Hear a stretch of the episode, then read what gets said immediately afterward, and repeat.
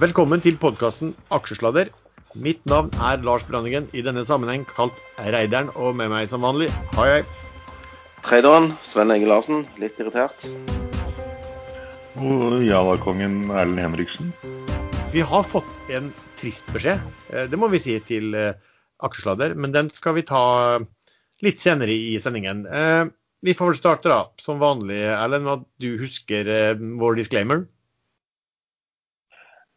Uh, det skal så vanskelig dette hver gang. Uh, ikke gjør som vi sier eller snakker om. Uh, vi er fullstendig uansvarlige. Ja, Ikke gjør som mora di sier, Jens. ikke sant? Vi ringer råd dersom du hører på hva vi sier her om markedet, aksjer, enkeltaksjer og livet for øvrig, er ansvaret helt holdent ditt eget. Programmet spilles inn live, og feil kan forekomme. Panelet og panelets gjester kan være lang, kort, direkte eller indirekte eksponert i aksjer, selskaper og produkter. Ja vel. Vi bruker å starte med hva herren har gjort eh, siden sist. Sven? Uh, vi, er, vi, er, bare på onsdag, uh, og uh, jeg husker ikke. Jeg, jeg, har gjort veldig lite. Bare småtrading. Jeg har kjøpt litt ost. Jeg mener ots. ellers veldig lite. Jeg har trada litt i Interoil. Det er egentlig, jeg solgte det Nei, jeg dekka den shorten ja, med de emisjonsaksjene, og så har jeg kjøpt litt aksjer i forgår, og det var, det var dårlig, dårlig trekk. Har du solgt den, da? Ja, jeg, jeg blir ikke med til bånns, jeg, sånn som visse andre. Du, Erlend, eh, du var jo ikke her sist uke.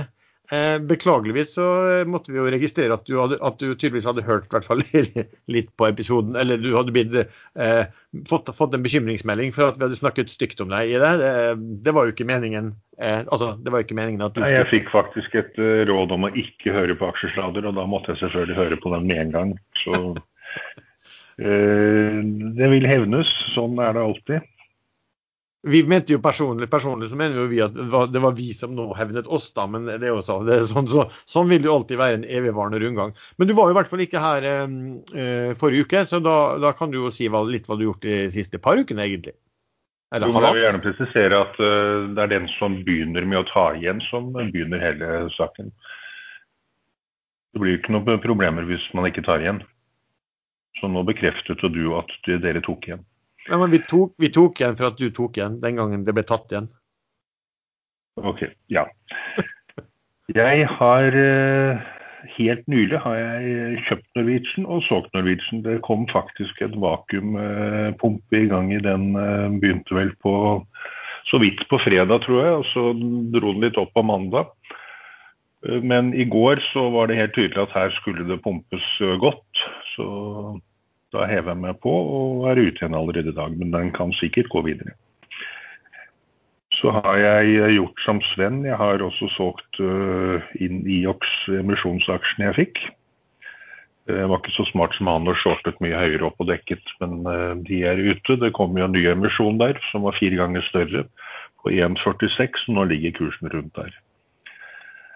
Så da tegner jeg meg vel igjen. Og IOX har jeg av en eller annen merkelig grunn eh, valgt å eh, kjøre emisjon likt for alle. Det er ingen fordel å ha aksjer. Man er ikke preferert i emisjonen. Det trodde jeg faktisk ikke var lov. Er det det? Det, kan... det heter å fravike, fravike tegnings... Altså rettighetsark. Kjør, Lars. Ja, det heter at du, du, fravi, altså du har jo en rettighet da, som aksjonær i forhold til aksjeloven, at du har fortrinnsrett, og den kan fravikes ved beslutning i generalforsamling. Men det er jo det er ikke ofte man opplever at, uh, at når man kjører den type emisjon, at ikke de som har aksjer fra før, har en fordel overfor de som har null. Vanligvis kommer man jo først i køen. Jo, men vet du hva. Um, det kan være et av uh, Hvis denne emisjonen blir veldig populær og overtegna 17 ganger. Noe han sikkert ikke blir. Men hvis det skulle vært tilfellet, så kan et av allokeringskriteriene være har du aksjer fra før. Det er i hvert fall vanlig andre plasser. Det er ikke sant, det pleier å stå i børsmeldingen, men her er ikke det nevnt. og det, Jeg vet at det ikke var tilfellet før. Uh, Nort hadde jo nesten to millioner aksjer, solgte alle skal vil si, De hadde kanskje aksjer den dagen meldingen kom. Ja. Jeg kan ikke si det for sikkert, men mitt inntrykk av den meldingen og det alle skriver, er at eh, det ikke er noen fordel å eie aksjer. Eh, og da vil jo kursen dumpes ned til emisjonskurs, som har skjedd nå. Men eh, ja, andre, har du gjort noe spesielt annet, Erlend? Jeg må bare innrømme at det husker jeg ikke. Det er godt, det blir så lenge siden. En og en halv uke, liksom. Ja. Men, men jeg sliter litt med den hukommelsen. Jeg, tror du det er noen senskader fra denne her koronasykdommen? Ja, jeg tror det. Jeg glemmer veldig fort ting. Ja. Det er en sånn senskade som man får de som ikke har hatt det også, er det sånn? Alle har jo opplevd å gå f.eks. ut på kjøkkenet og glemme hvorfor man gikk ut på kjøkkenet. Eh, men det skjer meg nå nesten daglig, så jeg har løst det problemet. Jeg har flyttet barskapet ut på kjøkkenet. Så når jeg kommer ut dit og har glemt hva jeg skal, så, så har jeg alltid med meg noe godt å drikke tilbake. For det glemmer jeg ikke. For min del så har jeg Jo, i dag så har jeg solgt Det kom en, kom en uppings på Aega, så da vippa jeg ut siste, mine siste Aega. og Så gikk den jo betydelig videre enn det. Jeg så bare at den gikk etter en melding i går som var, var litt intetsigende, selvfølgelig. Men så kommer også E24 ut med en eller annen og sa at dette var verdt å kjøpe. Ehm, er egentlig litt fascinerende å se nå at du ser norske altså media, aviser, som begynner å kjøre egne uh, aksjeanbefalinger. Uh, og det, det, har jeg sett mye av i Sverige før, så nå ser det ut som det kommer mer til, til Norge.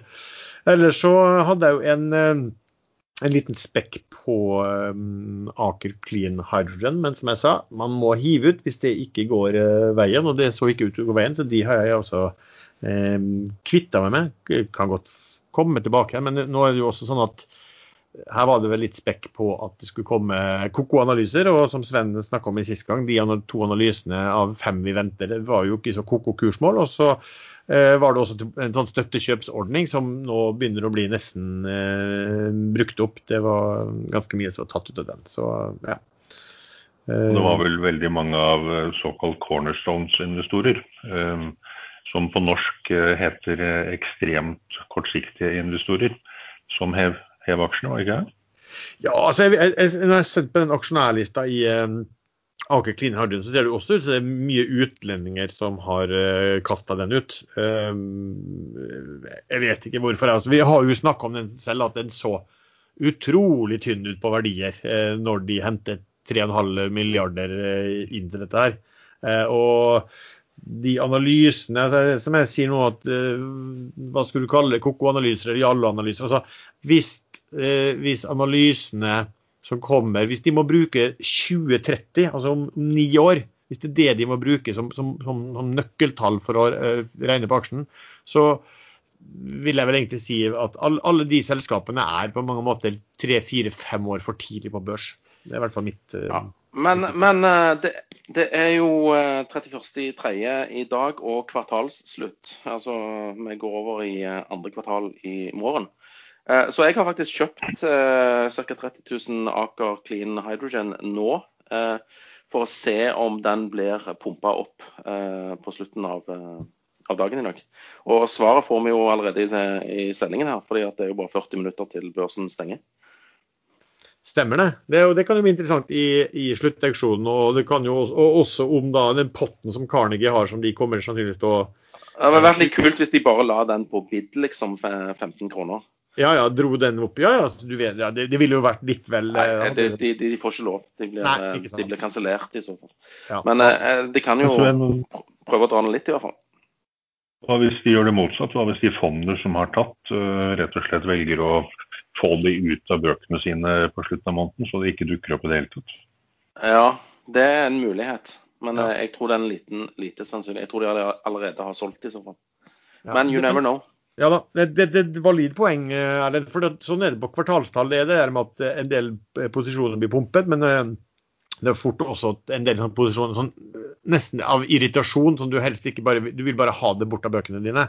Eh, her, eh, her, har de jo ikke dukket opp i bøkene før, så de vil jo ikke dukke opp heller hvis de dumper noe. Nei. Nei, men det er mer sånn også for, for, Ofte er det jo veldig liten andel, men det er mer sånn irritasjon over at du har vært med på en emisjon, tapt så og så mye, utgjør kanskje veldig, veldig liten del av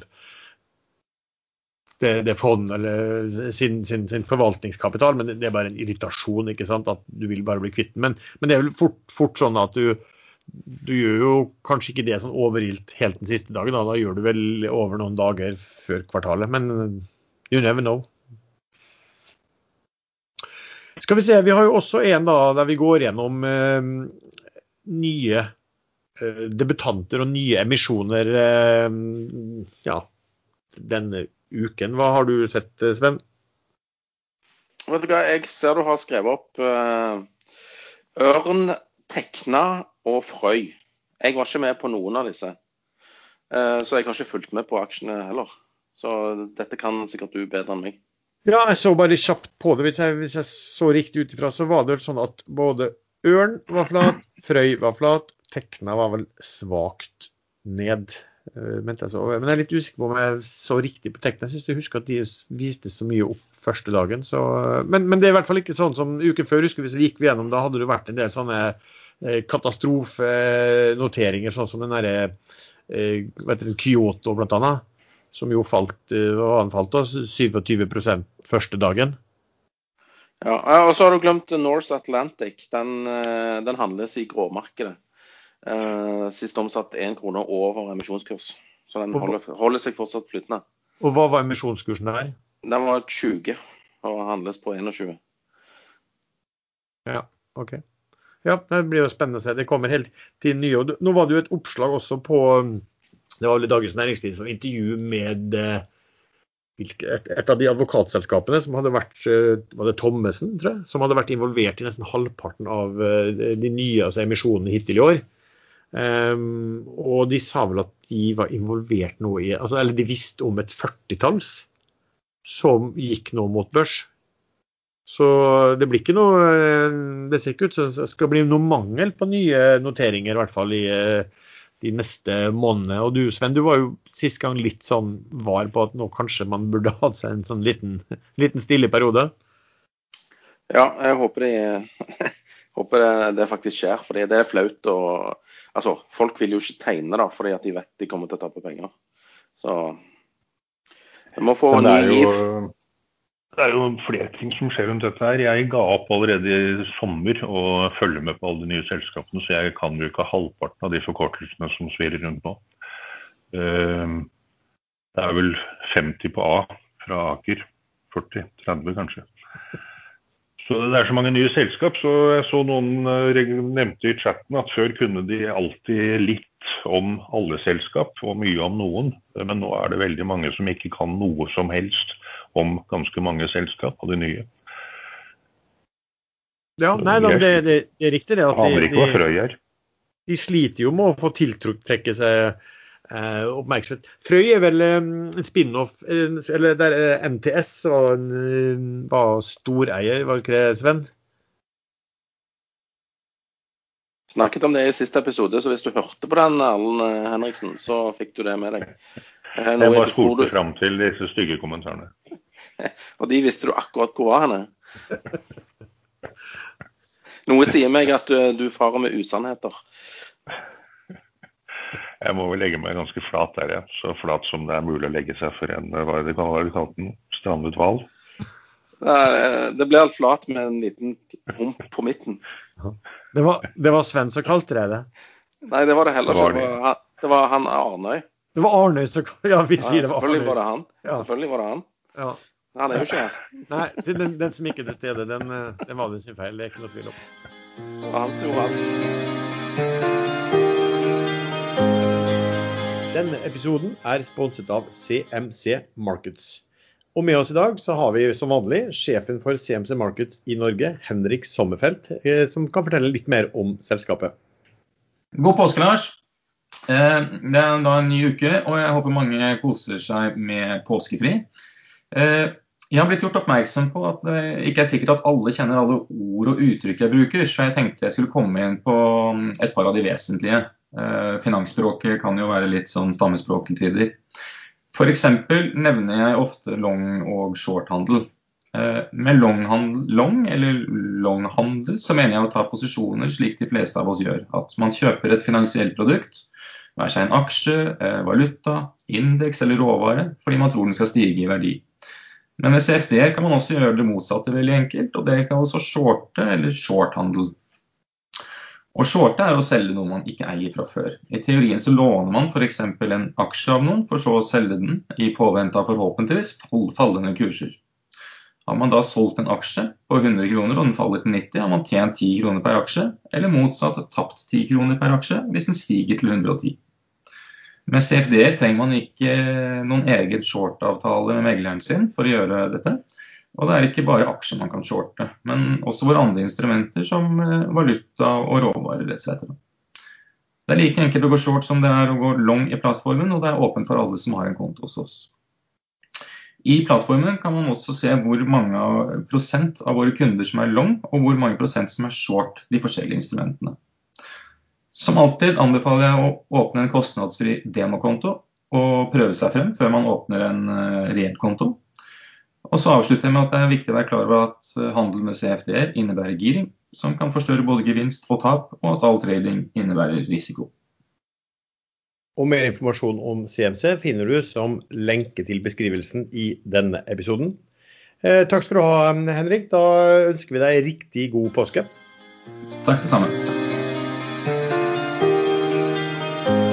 Det har jo vært eh, en litt sånn stor sak i media nå fra på fredag så eh, var det vel slik Fredag morgen så endte vel eh, Goldman Sachs vippa vel ut eh, aksjer for 10 milliarder dollar. For en aktør som hadde fått store problemer. Sven, du, du har fulgt med hva, hva, som har skjedd her? Ja, et, ikke et hedgefond, men en sånn familiefond. Family Office, som de kaller det. Så er leder av en som heter Bill Huang eh, tidligere tigerunge, eh, på samme måte som han eh, Ole Andreas Halvorsen ble kalt tigergutt, så kalles han her Wang òg tigergutt. Fordi at han har vært med i dette Tiger Management-fondet, som var et veldig bra og, og, og berykta fond i USA. det var jo der Tigergutt, eller der Ole Halvorsen startet sin karriere. Så de ja, ja, var begge i samme fond? Uh, ja, de var i Jeg tror det var en eller annen Julian uh, et eller annet som, som leda den Tiger Management. og Det var, det var veldig, veldig, flinke folk. Og, og, veldig mange flinke som har kommet ut av det uh, miljøet der. Men uansett. han, han var sjef for et fond som, som heter Archegos. Og de hadde tatt store posisjoner, gira posisjoner i amerikanske og kinesiske medie- og, og teleselskaper. Bl.a. Eh, Viacom CBS, som da er stor TV-kanalprovider, og, eh, og, diverse andre medierelaterte virksomheter. Og Han hadde jo gira opp disse her med sånne total return swaps. Det betyr at du putter inn mye mindre cash enn en, en eh, egentlig hvis du skal kjøpe aksjene straight forward, liksom. Og Det som skjedde, var at Viacom CBS de uh, bestemte seg for å hente 3 milliarder dollar i en ny emisjon og kursen falt fra ca. 90 til, til, 70 dollar. Og det skulle ikke mer til da før han var satt i saksa og hele fondet måtte likvideres. Uh, og tydeligvis så påfører dette eller disse tapene påfører både Nomura og eh, Credit Suisse og, og, litt andre banker store tap fordi at eh, de måtte tvangsselge porteføljene til, eh, til dette fondet. Ja. Og det var, Husker du størrelsesorden hva den porteføljen hans var som han måtte ut med? Altså... Nei, det har jeg ikke lest faktisk, hvor stor den egentlig var. Men eh, ja. vel... Jeg så jo at Goldman Sachs var det snakk om at de hadde solgt av den fredag morgenen ca. 10 milliarder dollar. Og så, og så sto det andre sted sto det at det var 20 milliarder dollar da, um, som det måtte ut med. Eh, jeg syns jo det var litt rart ut ifra de, og da må det ganske mye tap når sånn som Credit Suisse og Nomura, som er jo enorme aktører, når de må gå ut og melde om at eh, resultatene deres blir vesentlig dårligere pga. tap, og faller mye på børsen, eh, så må jo det de må det vært helt enormt giret, eller kanskje beløpene er desto større, eller kanskje det var egenkapitalandelen å gire opp? Det var vel snakk om at ett av beløpene som ble solgt som blokka på 50 milliarder dollar, var det ikke det? 40 eller 50? Ja, det er mulig. Jeg så bare Goldman 6 De snakka opp på en fredag morgen de, at de gjorde det på 10 milliarder dollar. Uh, og så hører du med til historien, Her har det vært flere banker involvert, og, og, alle vil prøve å sikre seg selv best mulig. Så, så Det har visstnok vært sånn diskusjoner om hvordan de kunne håndtere de blokkene samlet. Ja, jeg, jeg, leste litt om det. At de, de hadde møter, disse som uh, da hadde ytt disse lånene til Ashegos. Uh, og, og, og, prøvde å bli enige om en måte å redusere porteføljen på uten å dumpe det i markedet. Men så klarte de ikke å bli enige, og så eh, tjuvstarta Goldman Sachs. Ja. Oljefondet tapte 3,5 milliarder kroner, vel å merke. Så ble det påstått i en overskrift. Altså. Men det der er jo da Sven, vi, både du og meg hadde jo lest da, og kommer en dag, par dager etterpå, så har vi jo, vi har jo hatt uh, Pål Ringholm, som er kredittsjef på analyse i Sparebank1 Markets. Han har jo vært gjest her uh, flere ganger. Uh, flink, veldig flink fyr, og Heium Leeds også, det hjelper på. Uh, men, og han har et veldig bra morgen-nyhetsbrev som heter Das Kapitalsladder. Og han knytta jo dette her opp til Eh, til eh, aksjekreditter, altså belånte aksjer. Jeg vet at du så litt på det også, Sven? Ja, aldri før har det vært så mye utstedte aksjekreditter. Eh, og ja, børsen har steget, men mengden aksjekreditter har steget enda mer og er langt over nivåene fra de to siste gangene det smalt, dotcom og finanskrisen. Så det er tegn i tiden, det òg, så, så er litt viktig å følge med på. Ja. Og størrelsesorden i forhold til BNP òg har aldri vært høyere på disse aksjekredittene. Nei, og her kommer kanskje da poenget, Sven, er jo at en liten tue og hele den biten der. Fordi at nå er jo ikke disse her Archegos det er jo ikke noe som noen av oss har kjent til, og ikke noen enorm aktør sånn sett, men Jeg har aldri hørt om det før. Nei. Men poenget er de har eh, hatt store belåninger, og, og, nå viser det seg plutselig at eh, de som har lånt ut penger til dem, går på kjempesmeller.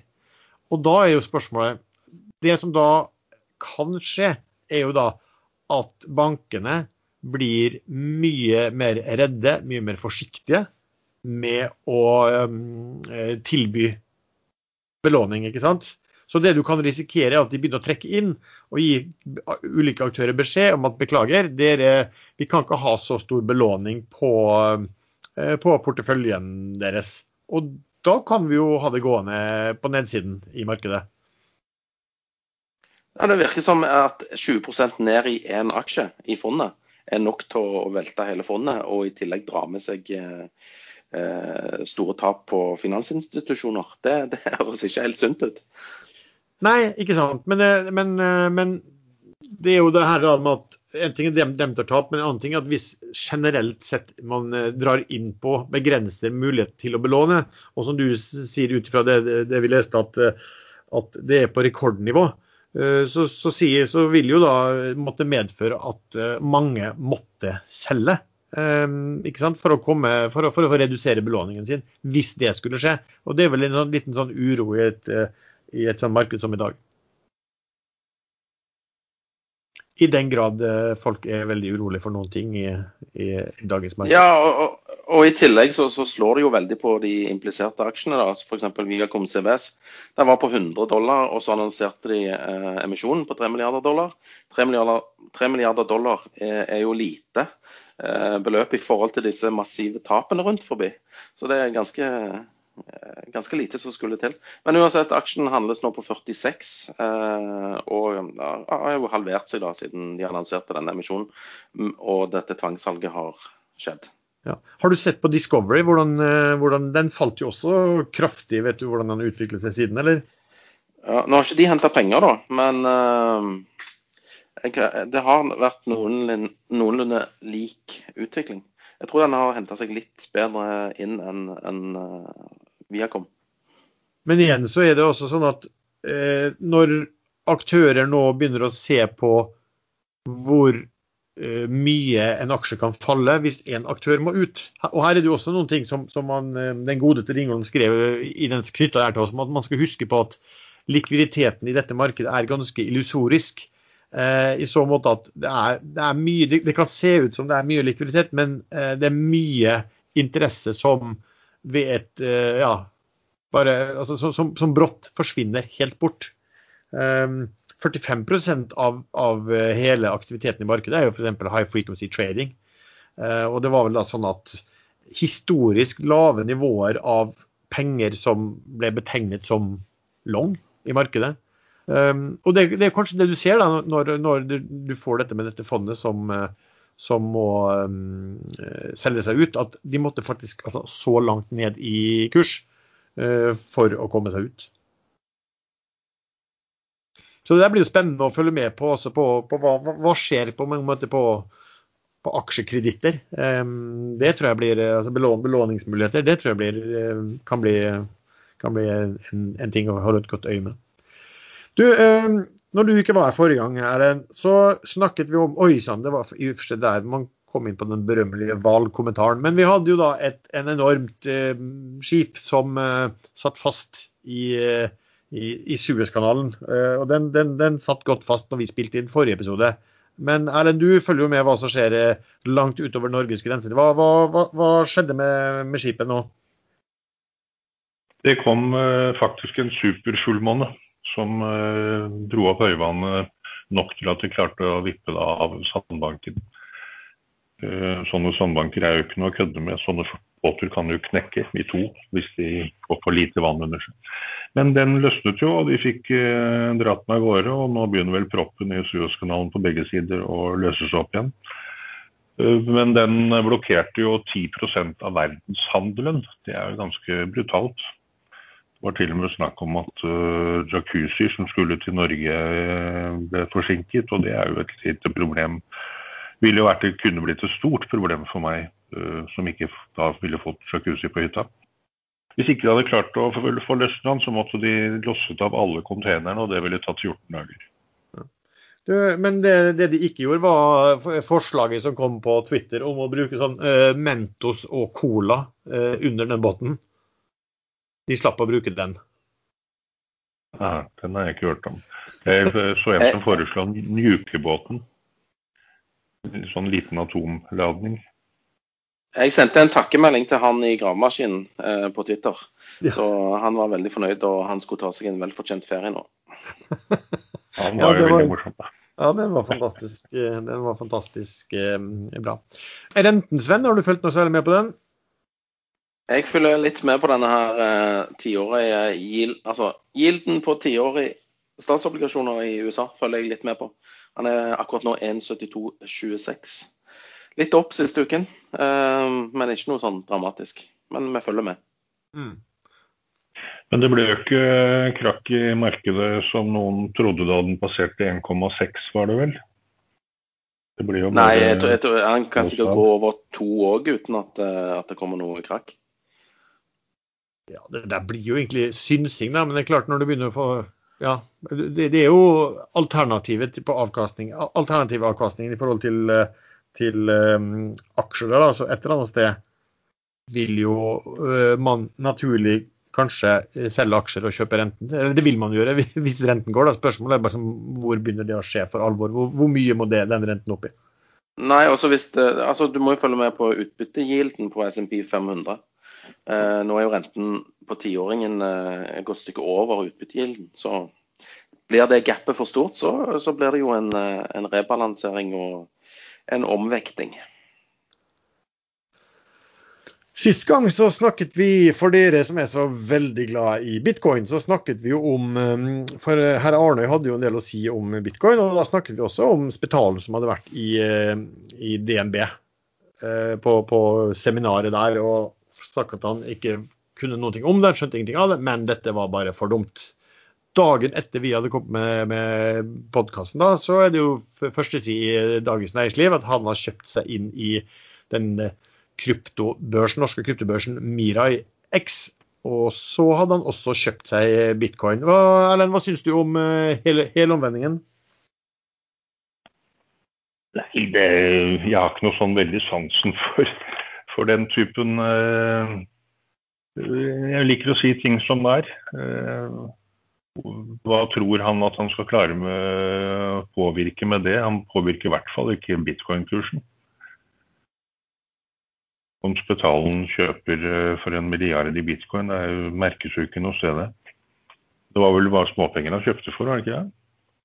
Han sa vel ikke hvor mye han hadde kjøpt for, og det sto vel heller ikke hvor mye han hadde kjøpt seg inn i den, inn i den kry kryptobørsen, sånn sett.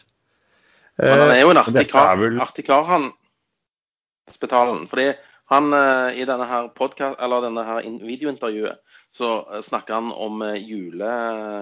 Hva var det han kalte Julegaveeffekten. For han, han, hadde sett på sine to jenter når de var mindre. Da. De var ikke så opptatt av hva de sjøl fikk, men hva eh, hva den andre fikk. For de, vil ikke liksom få noe dårligere enn en søstera. Og det er jo akkurat det han begrunner sitt kjøp eh, av bitcoin og, og denne Mirai-greia At han har ikke lyst til å se at Kjell Inge Røkke skulle tjene så mye penger. Så han er jo ramma av samme syndrom, ser det ut som. Ja, jeg merka meg også det. Nå, han sa jo det sikkert med ganske mye humor, da. Og så skal det sies at det kunne jo framstå som om eh, Eh, at han bare hadde snudd helt på flisa i løpet av et par dager etter. Men eh, forlydende er, skal, er jo at det skal ha vært spilt inn en god del dager før det innlegget hans, intervjuet hans med i, i, DNB. Eh, jeg vet ikke om det er riktig. Men han sa i hvert fall, i alle fall han hadde lest hva Røkke sa, så han har møtt eh, de to gründerne i, i X. Og så hadde han funnet og tenkt på nytt. Og det er jo faktisk lov hvis du hvis man lærer noe nytt. Og så skal man jo ja, vurdere ting på nytt igjen. Men hvis man går litt sånn, analyserer litt hva som kan være andre årsaker til at han går ut og sier at han har kjøpt bitcoin, så har han jo da tatt en del uh, plassering i den uh, Mirai-børsen.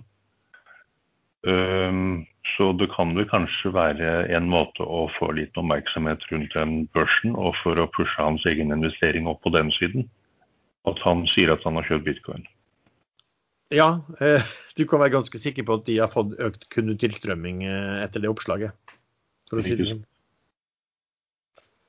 Du, um... Hvorfor kan ikke folk si, si, ting som det er? Hva er vitsen med å gå rundt grøten? Sånn kommer jo ut, og det blir analysert av andre, og det blir jo latterliggjort, og man mister eh, renommeet sitt. Folk må lære seg til å si ting akkurat som det er. Jo, men jeg, jeg syns vel egentlig han bruker å gjøre det. Det var ikke noe galt i det han forklarte der e, egentlig i det hele tatt. Det var vel at det var så kort tid mellom kanskje folk reagerte på. Hvis det var sånn at, at det intervjuet var innspilt en, en e, ganske lang tid før, før han e, da hadde endret seg, så er jo det ja, altså, greit nok, det. Ja, ja. Du, eh, vi, har fått, vi, har fått, en del sånne spørsmål her. Eh, og et av de spørsmålene er om eh, PSE. En skriver da om PSE, hvordan kan man på ekstrainvestors chat og i Finansavisen klare å tolke den appraisal-boringen som positivt? Hvordan klarer man å ikke tolke den som positiv? Nå er jeg veldig biased, jeg har jo har litt aksjer der. Men eh, den første boringen den bekreftet at det var et funn av olje. Og en appraisal-boring skal jo avgrense dette. Og et av hovedmålene var å finne olje-vannkontakten. Olje er lettere enn vann, så olje ligger alltid og flyter oppå. Så oljesøylen ligger alltid over en vannsøyle. Uh, når man har funnet vannsøylen, så vet man mye mer om størrelsen på funnet. Eh, så sist så ble funnet eh, antatt til å ligge på mellom 40 og 120 millioner fat, og nå har de avgrenset det til mellom 40 og 105 millioner fat. Ta de tallene med litt forbehold, men det ligger rundt der. Så på oppsiden så ble det redusert noe, men eh, ned, den laveste avslaget ble bekreftet. Og når man da boret to brønner på to forskjellige lokasjoner og klarer å fastslå at uh, oljen faktisk er over det større området som man trodde, uh, har klart å avgrense det, så er risikoen betydelig redusert for hele funnet. Og de har nå også da i samme melding sagt at de skal gå ut med en hva man kaller det for noe, uh, planer om hvordan de skal bygge ut feltet innen fristen i 2022. fristen da snakker om Eh, koronaskatteregime, skattefordeler, som eh, utløper da en eller annen gang i 2022. Så de nå de er nå såpass sikre på at feltet er eh, trygt og forsvarlig økonomisk å bygge ut, og kommer til å foreslå det innen fristen. Så da får de med seg en skattegavepakke pga. koronastøtte, som gjør at feltet blir veldig mye mer lønnsomt enn det ville blitt uten den. Så dette er, dette er enkel matematikk, så det kan han som spurte, eller hun, uh, lese seg opp litt. Det viktigste er at eh, det er derisket, derisket kraftig. Så PSE, det var vel du Sven som regnet ut at kun dette funnet på to, to av uh, 13-14 lisenser som Petroleum er med på det området, de er nå bekreftet. Og verdien på kun denne oljen, hvis du regner hva du regnet, 5 eller 7,5 dollar per fat hvis du selger det på, på, på rot uh, til uh, en annen aktør, den er vel på rundt 7 kroner, og nå er kursen på 8,70. Og da har man ikke hensyntatt av de andre feltene som ligger rundt, og heller ikke prøveboringen som de skal kjøre i kvartal tre. Det kvartal tre begynner jo allerede 1.7. Eh, så i løpet av sommeren eh, fram til slutten av september så vet man om de finner olje i den neste prøveboringen. og det, det, Der har de tidligere sagt at det kan øke ressursanslaget betydelig. Så jeg kan ikke skjønne annet enn at petroleum er veldig lavt priset nå. De har jo også denne datterselskapet med CO2 Management, og så har de noe som heter IOTA, som er et sånn oljeserviceselskap hvor de faktisk tjener en god del penger. De har en eierandel der. Så ja, jeg syns petroleum virker utrolig billig, men det er ingen analytikere som følger selskapet, og det burde kanskje noen vurdere å gjøre. Mm. Men eh, det har vel kanskje litt uh sammenheng med tidligere tiders eh, erfaringer på, hov, altså på hovedeier, som er Berge Gert Larsen. har. For å si det sånn, eh, litt mildt, så har han i tidligere vært eh, ganske omstridt. Det er vel en fair beskrivelse? Det er helt riktig. Men du, hvordan... grunn så har gjerne folk en tendens til å bli litt mildere og litt mer gavmilde med årene. Kanskje han også kommer dit. Ja. Men vet du, hvordan skal de finansiere denne utbyggingen, da? Det har jo ikke Petrolia penger til, så der uh, heller jeg til at de som sier at de kommer til å selge dette funnet på rot for å finansiere de neste letebrønnene i om, omliggende felt, at de nok har rett. Ja. Men jeg vet ikke. Det kan godt være at de klarer det på en måte. La oss si CO2-managementselskapet som eh, både skal jobbe med karbonlagring, eh, rådgivning og alt rundt det, og ammoniakkproduksjon av gass og karbonlagring eventuelt fra det, og hydrogenproduksjon.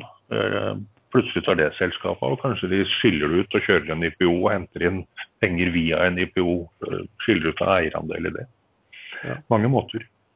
Ja, men jeg tror vel at jeg vil vel tenke meg at han Berge Gert Larsen han liker jo å bygge opp og bli stor på produksjon. Ehm, så jeg tror nok han vil holde på hvis han mener at dette er et veldig bra felt eh, som kan bli større. Så, og det er jo kanskje der man en del vil frykte at hvis et selskap som trenger penger, hvor han er hovedaksjonær, det kan jo fort bli slik at han vil gjerne eie eh, enda mer av det selskapet, for å si det sånn. Han eier jo allerede 90% 85 ja. ja. Da er liksom et eller annet sted går grensen for uh, hvor grådig det er fornuftig å være. Eh, det er vel noe av det som tynger kursen, at han er så dominerende storeier gjennom sine diverse eh, selskap som han eier helt eller delvis. Men de lisensene de har i tillegg nå, som du snakket om, altså, man får jo ikke særlig betalt det markedet for å sitte på lisenser, men er det lisenser som ligger helt opp til eh, der de nå har gjort funn, eller hvordan er det? Ja, Det ligger i, i området rundt. Så, så vidt jeg har skjønt, så er alle lisensene som Berge Gert Larsen eller Petrolia da Det er jo Petrolia Noco som eier disse lisensene. Som, som Petrolia, børsnoterte Petrolia eier 49,9% av. Um, så vidt jeg har skjønt, så er alle i relativt nærhet til Snorre-plattformen. Men ta det også med en liten klype salt. Men det, det er i hvert fall i samme havområde. Samme blokk. Ja. Sven, Et ei, eh, Sven. felt som tidligere ikke var noe særlig utforsket, som uh, Neptune Energy og da Petrolia Noco og et par til, så, så muligheter for funn i, og har bare fått tildelt veldig mye. Og også i senere tildelingsrunder så har de fått mye i det området. Og det viser seg at det var jo et sjakktrekk. Sven, eide ikke du Petroleum Noco? Den, ikke den heter den som er notert på sånn unotert liste? Jo, jeg, jeg eh, har eh, ca. 135 000 aksjer i Noco, Noco Anna. Så de den er jo fin. Og de sitter du på? Jeg sitter på de. De ligger til salgs, faktisk. På 6,75. Det er bare å kjøpe. Hva er over siste omsats? 1,75? Nei, 3,50 eller noe sånt. Nei, jeg, jeg syns meldingen de kom med var, var positiv. Eh, Det, det, det viser i hvert fall at eh, det er en del olje der. Så jeg, jeg regner sånn back of the envelope-kalkulasjon der uten å ta hensyn til nåverdi av produksjon og sånne ting. Men eh, ja. Eh, Jeg tror rett pris på Noco skulle vært sånn 7-8 kroner. Det norske oljeselskapet Interoil Exploration and Production, som har aktiviteter i Sør-Amerika, meldte i en børsmelding på mandag at de planlegger en ny emisjon etter å ha landet avtale om boring av to nye brønner i Colombia. I tillegg planlegger selskapet ytterligere å øke produksjonen fra flere eksisterende brønner i Argentina. Dette blir den andre emisjonen selskapet gjennomfører i år. I begynnelsen av mars hentet selskapet 10 millioner kroner til boring av en annen brønn i Colombia og investeringer i økt oljeproduksjon i Argentina, i en emisjon som ble overtegnet første dagen i tegningsperioden. Interoil melder at man kan få mer informasjon om emisjonen og selskapets investeringsplaner ved å delta på selskapets webinar tirsdag 6. april klokken 14.00. Du finner link til påmeldingen på interoil.no. Et spørsmålspenn er jo Vi er da snart i april, og da er vi snart i mai. og Da er det jo en, det jo en, som, en regel som sier 'sell in May and get away'. Eh, Spørsmålet om tror, tror du at det er smart å komme seg ut eller vekte seg ned i markedet i, før vi kommer til mai? Jeg syns det er prematurt å svare på nå. Det er én hel måned igjen til mai. Så eh, spør meg om tre uker. Det skjedde jo ikke i fjor. Nei, i fjor gikk det jo til himmels. Det bånda jo- jo i mars. Men jeg, jeg, jeg føler at 2020 ikke var et normalår. Det kan du ha litt rett i. Men jeg tror ikke 2021 heller blir det. Fra Erlend Arne kom Erling Henriksen seg ut av badekaret, står det.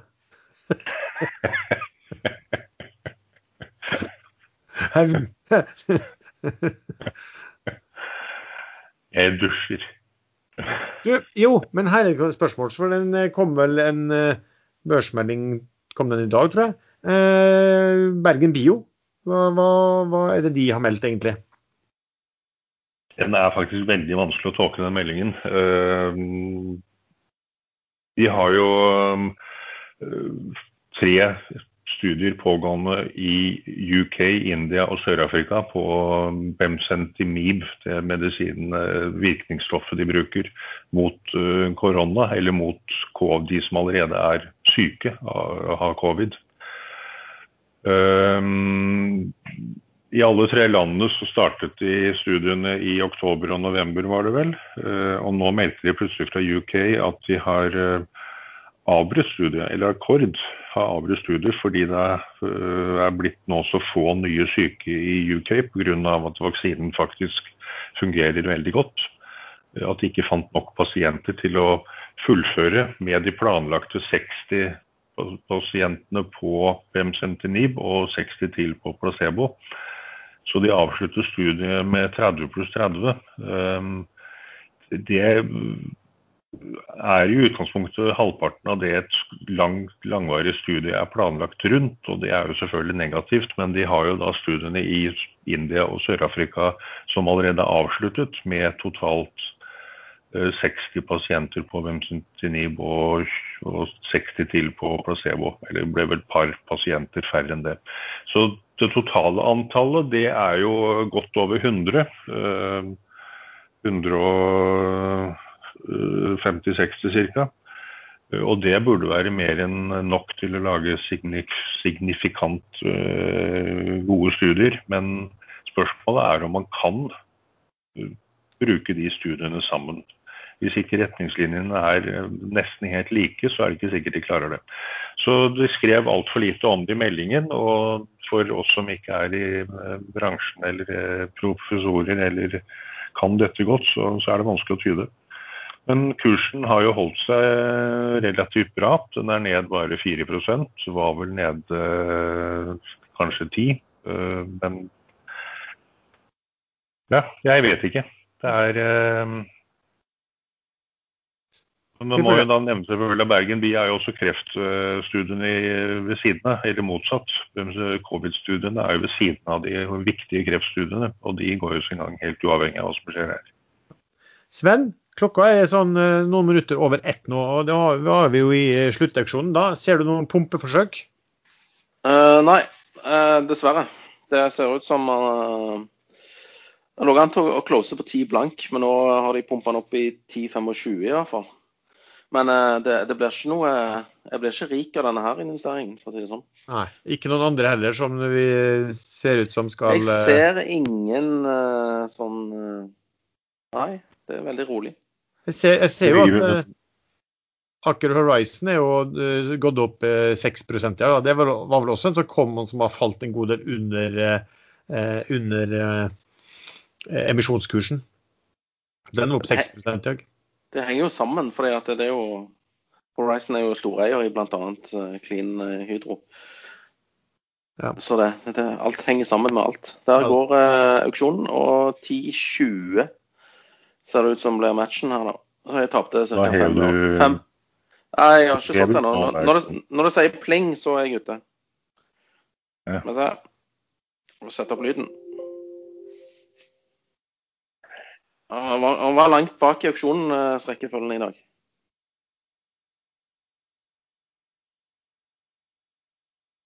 Å, herregud. Der. Skeivt føle. And it's gone. Ja, and it's gone. Ja, så du har kassaapparat-lyd selv når du taper penger? Da måtte du ha ja, hatt et eh, sånn toalettskyllende lyd eller noe sånt? da. Nei, kanskje Si at du holder på og ser på noe annet på eh, nettside eller et eller annet, og så sier det pling, pling. Og så er det litt spennende å se hva som skjedde. Så du må, alltid ha litt lyd på handlene. Jeg husker da jeg begynte med aksjer eh, hos Nordnett, eh, eller begynte å handle en del hos Nordnett, så var det sånn eh, sånn Windtrade, tror jeg applikasjonen heter. Den uh, hadde jeg. Der, og, og, der var det svensk stemme, svensk kvinnestemme, så hver gang du gjorde en handel, sa nytt avslut. Nytt avslut. så det var litt sånn artig. Men hvor lenge var det artig? Det ble ganske irriterende da, relativt fort. fordi at hvis du handla en del, da, så holdt jo faen ikke ut av dama kjeft. Det var det jeg tenkte. Du, nå, jeg, vi har, nå, er vi da også ferdig med um, første kvartal eh, akkurat nå. Eh, ser bare på OBX-en i hvert fall. Der er første kvartal Altså man er nesten opp 10% på ett kvartal. Det er jo helt eh, fantastisk. Ett år er OBX opp 49% Tenk på det. Ikke dårlig, det. Um, så um, Nei, det har vært et veldig, veldig uh, et veldig sterkt kvartal. Det må man si. Nei, det er OPEC-møte òg i dag. Hva, hva, finner de på da? Jeg tror ikke de finner på noe særlig Jeg tror de viderefører dagens kvoter. Det vil overraske meg veldig hvis de går til drastiske verk. Ja, men de, men de overraska vel sist gang på at de ikke økte produksjonen. Så man de kan jo Det jeg så var at de hadde vel kommet med en sånn rapport. OPEC publiserer vel sånne uh, estimater på produksjon og, est, og, og, etterspørsel. Og de hadde vel kutta litt i antall etterspørsel nå, sånn, litt sånn kortsiktig. Um, grunn Ja. Altså, korona og alt det der. da. Og hvis de gjør det, så hva sa du? Ja, Da blir jeg glad. De har kuttet uh, forventet etterspørsel til 5 eller 96 millioner fat. Jeg har nemlig veddet én uh, kasse vin med tre forskjellige på at oljeproduksjonen eller oljeetterspørselen aldri mer vil overstige 100 millioner fat om dagen. Ja. Jeg tror du kommer til å tape den. Ja, jeg burde sagt 105 eller 110. For men uh, gjort er gjort. Uh, veddemålet varer fram til 2030, så jeg, jeg, har jo oddsen imot meg. I, i, I, aften eller uh, årstall? Nei, 2030 20 2030 en eller annen dato i mars. Vi har lagret det i veddemålgruppen. Men du har, du har jo regna altså elendig sånn rentes rentevurdering på dette. da, hvis, hvis den går over, så må du, eh, må du ut med vindkasten med en gang. Eh, mens de må jo ikke ut med De, de vil jo ikke erklære sitt tap eh, skjedd før om ti år. Ja, nei, Det har du faktisk rett til, der, eh, men det kan jeg jo heller ikke gjøre noe med nå. Kan ikke endre betingelsene i etterkant. Men det er, det er slett ikke umulig at jeg vinner det veddemålet der. Eh, Var oljeetterspørselen noensinne over 100 millioner eh, fat før korona? Klarte den så vidt akkurat å komme over noen dager, eller holdt den seg rett under? Nei, jeg vet ikke. Den var ikke langt unna, i hvert fall. Men nei, altså, ser jo ikke bort Ting skjer jo fort, da, også med, med fornybart og alt der. eh, Så ser vi ikke bort, jo ikke bort for at du, eh, at du skal få, skal få rett i det. Eh, man, jeg har jo sett mange påstå at fornybart sol og vind ikke klarer å ta unna etterspørselsveksten i energiforbruk engang. Nå er jo energiforbruk mange sider, det er jo transport og ikke bare strømforbruk. Men i Kina er allerede fornybar energi, sol og vind, står for 9,5% av all strømetterspørsel. Og de regner med at vi står for 60% innen 2050. Så at etterspørselen etter olje vil synke, også med mer og mer drivstoffgjerrige biler og båter og fly, flyuke. Eh, Plutselig så kommer det til eh, tipping point hvor etterspørselen bare faller og faller. Så kanskje jeg ender opp med tre kasser vin. Hvem vet. Du, et annet sånt øh, oljeselskap. øh, jeg vet ikke om det er du som har satt opp det, Sven, som heter Touchstone Exploration. Der har det skjedd litt. Ja, jeg har ikke fulgt så veldig mye med det selskapet tidligere. Jeg har bare registrert at aksjekursen har bare gått og gått og gått. Og gått. Og så har jeg irritert meg litt uh, på det. da. Fordi at det, det, var, det var et par på ekstrainvestor som dro fram denne her relativt tidlig for noen år siden, og, og, og kjøpte en del òg, så vidt jeg forsto.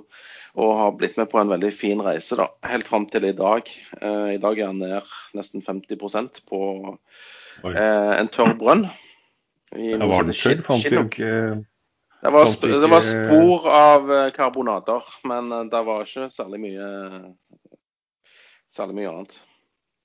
Eh, så vidt jeg har forstått fra en som kan, kan det caset relativt godt. Eh, så jeg bare registrerer at den er ned eh, nesten 50 og at North Energy, eller heter de Energy fortsatt? Uansett, de er vel fortsatt en stor aksjonær i det selskapet, og er bare ned 9 eh, på Oslo Børs i dag. Så det, det kan vel være lønnsomt å, å kikke litt på kursen på touchdown hvis du skal handle Nort-aksjer framover. Vi på Ekstrainvestor har flater som når til tusentalls investorer på kort varsel. Vi tilbyr børsnoterte selskap å nå disse via webcasts, det være seg presentasjoner med spørsmål og svar, kapitalmarkedsdager, hasteinformasjon og kvartalsrapporteringer. Via vår nyvinning Incurate tilgjengeliggjør vi presentasjonene ytterligere, der enhver kan følge med sendingene live eller i opptak. Vi har hatt stor aktivitet i det siste, og i første uken etter påskeferien kommer to aktører. Norsk Solar planlegger å gå på børs Euronext Growth den 12. april under tikkeren NSOL. Tirsdag 6. april klokken 10.00 presenterer konsernsjef Øyvind L. Westerdal selskapet live via ekstrainvestor. I løpet av sendingen kommer også ordføreren i Stavanger, Kari Nessa Nordtun, på besøk.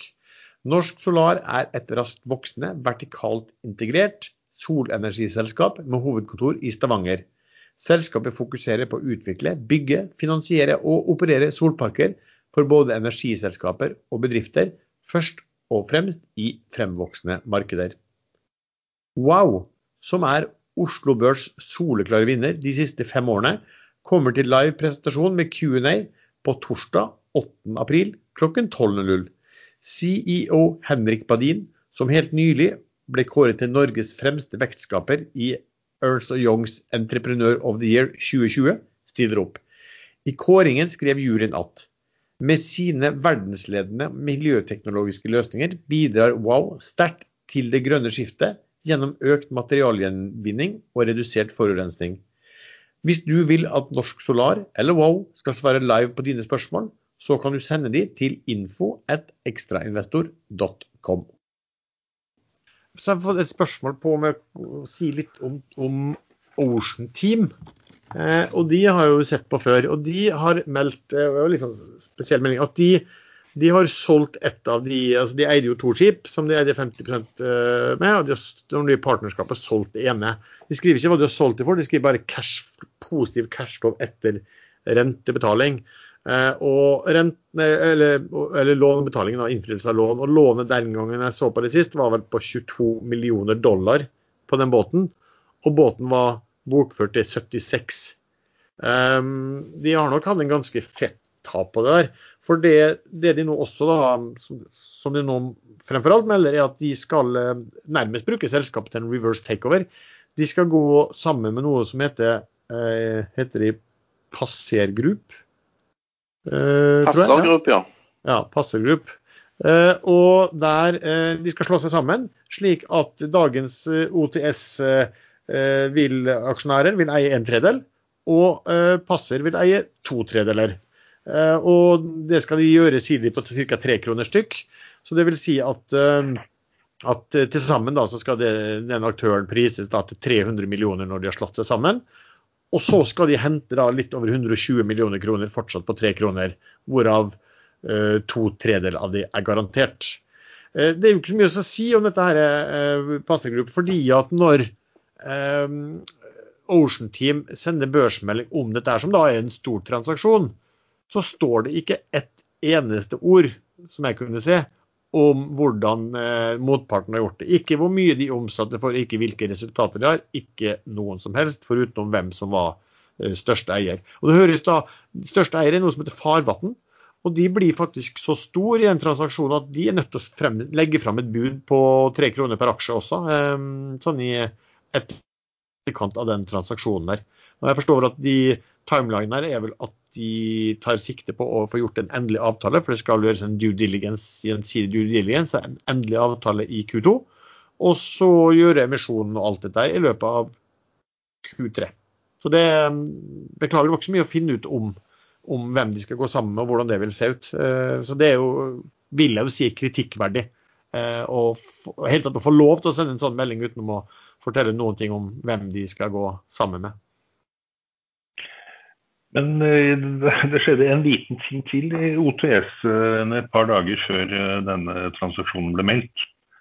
Det er en aksje som har falt og falt på veldig veldig lite volum. Og plutselig så stakk den opp fra 3,22 til Skal vi se Her er det. Den 24. mars stakk den opp fra 3,14 til 3,52. Sånn, sånn at alle reagerte på det. Jøss, hva skjedde i OTS nå? Her er melding. Eh, ingen nyheter. Så her eh, lukter det jo veldig at en eller annen som har sittet litt nært på selskapet, eh, hørte noen rykter og tok sjansen på å kjøpe litt aksjer. Men det var ikke mye aksjer heller, så Nei, Hvis noen er så dumme at de kjøper 50 eller 100 000 aksjer i et lite filleselskap to dager før det kommer børsmelding, og faktisk har sittet på innsideinformasjon, så fortjener de rett og slett å bli bura inn. Nå har jo kursen falt tilbake, det har ikke utvikla seg noe som helst. Det har vært ja, den falt tilbake samme dag. Ja, ja, falt stille tilbake. Så den ligger på ja, så den var nede på under, men nå ligger den avslutta i dag på 3,31 per aksje. Ja, Men du har jo en fin nedside protection der med budet på tre kroner. Så jeg har plukka litt aksjer rundt 3,20 blank. Uh, for uh, ja, den, den, har sin fanskare, den aksjen der. Så plutselig kan han finne på å stikke. Ja da, det har, det har du gjort. Det gikk fra under tre kroner til over seks kroner eh, her i desember. Desember-januar. Ja, stemmer det. Den var, vi jo, var, vi jo, var man jo med på.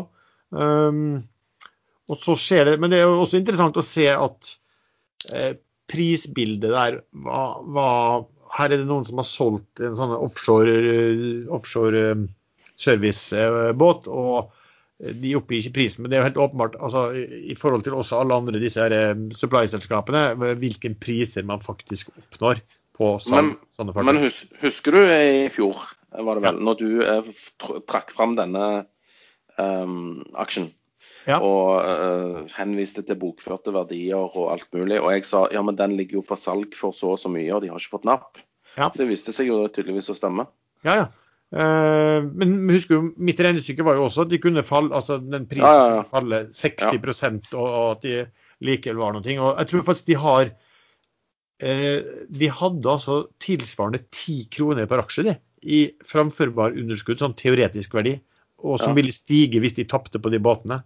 Men det, det er jo veldig teoretisk også, da. Eh, Man får håpe passer, passergruppe eh, tjener penger, da, sånn at de kan nyttiggjøre seg eh, det underskuddet. Ja, selvfølgelig. Det er det som er, det er jo der de kunne fått verdi, ikke sant? hvis de gikk sammen med noen som faktisk hadde bra, eh, hadde bra eh, overskudd allerede. Men eh, så lenge de ikke skriver noe, annet, noe, noe som helst om det, så er man jo helt i eh, Ja, må man jo bare, må man jo bare gjette. Men jeg er helt enig, Sven. Altså, jeg så, tenkte også på det at det er i hvert fall Når de snakker om at de skal få gjort det der i Q2, så har du i hvert fall kanskje en god periode, i hvert fall en, en, en nedsidebeskyttelse. på at noen må by tre. Hvis, hvis budet endelig blir av, da. Ja. Eller altså din endelig blir av. Det Sven egentlig ville fram til med å påpeke at øh, den båten lå ute billig til saks, det var jo at han hadde rett og du tok feil. Men det skjønte du ikke. Jo, jo, jeg skjønte det. Jeg var helt enig. Men, men eh, for å snu litt på det vi, sånn, I dine vakuum-case også, så kan jeg jo si at men eh, jeg gjorde jo sikkert 60-70% på det, så jeg tar gjerne feil flere ganger.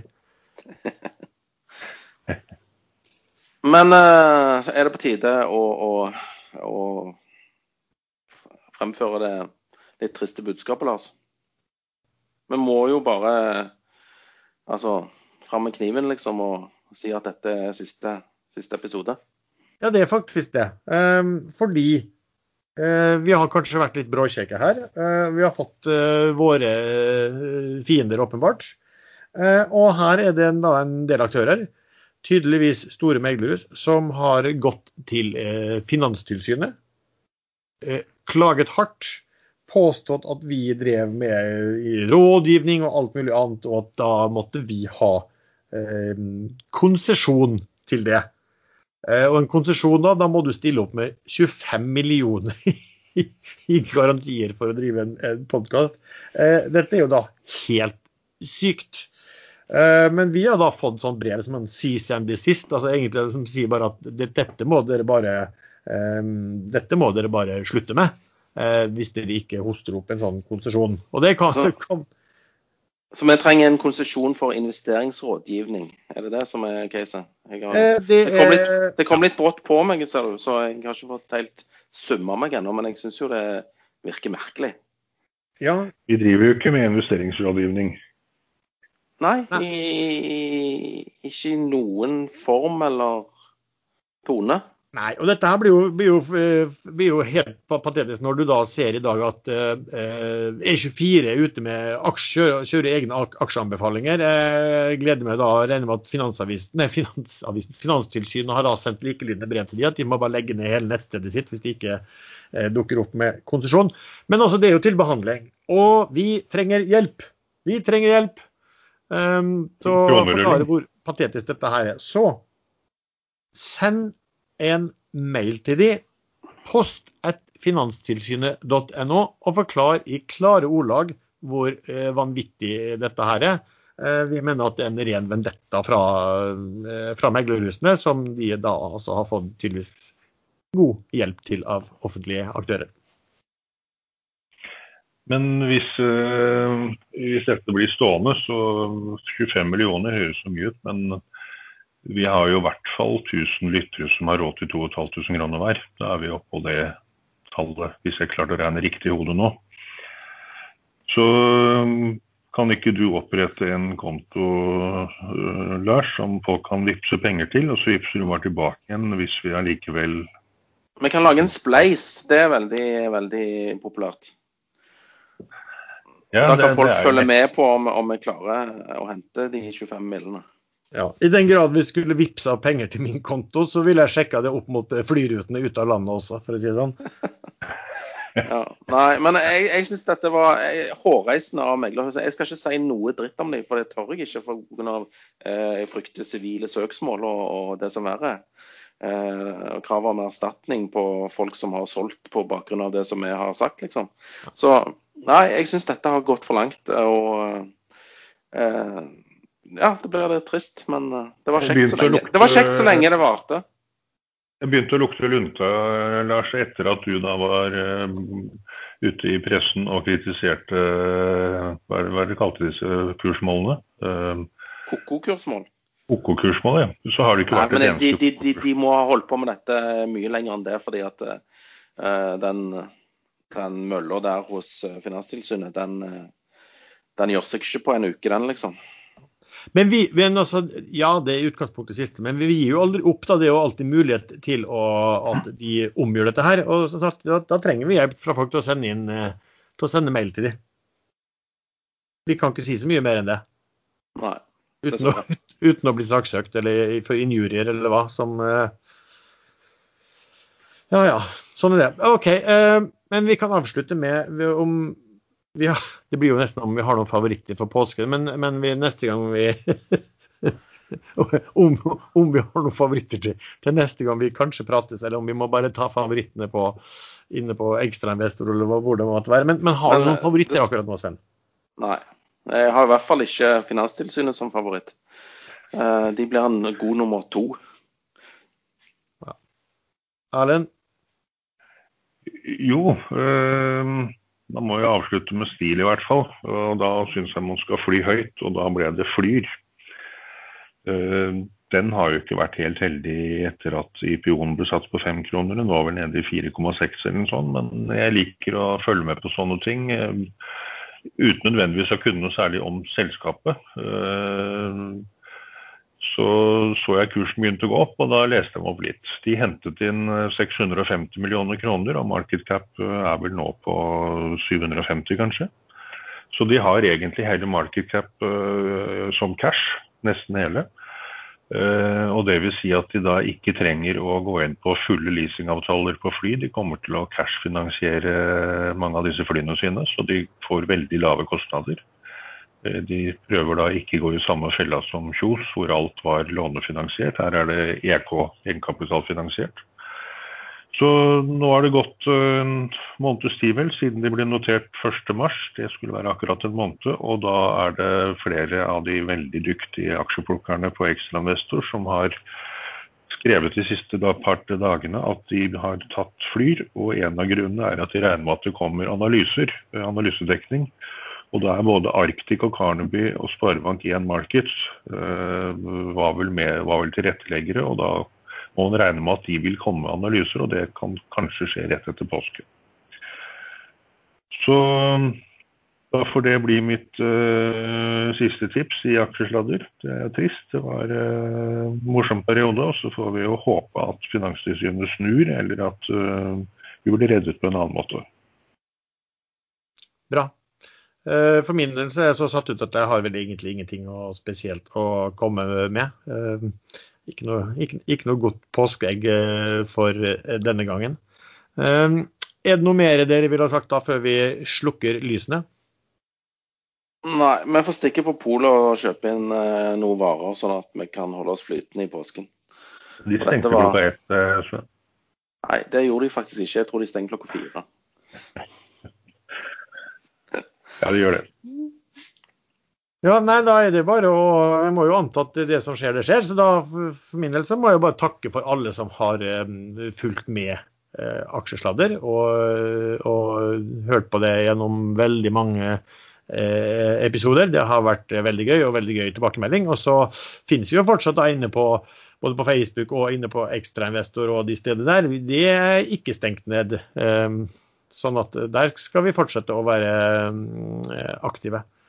Eh, ja, så med det så takker jeg igjen for at dere ja, har Jeg må bare komme skyte inn her. Vi, vi har en eh, aktiv lyttegruppe, eh, hadde, må man kanskje si, aktiv lyttegruppe på Hvor var dette igjen nå? Skal vi se Farsund.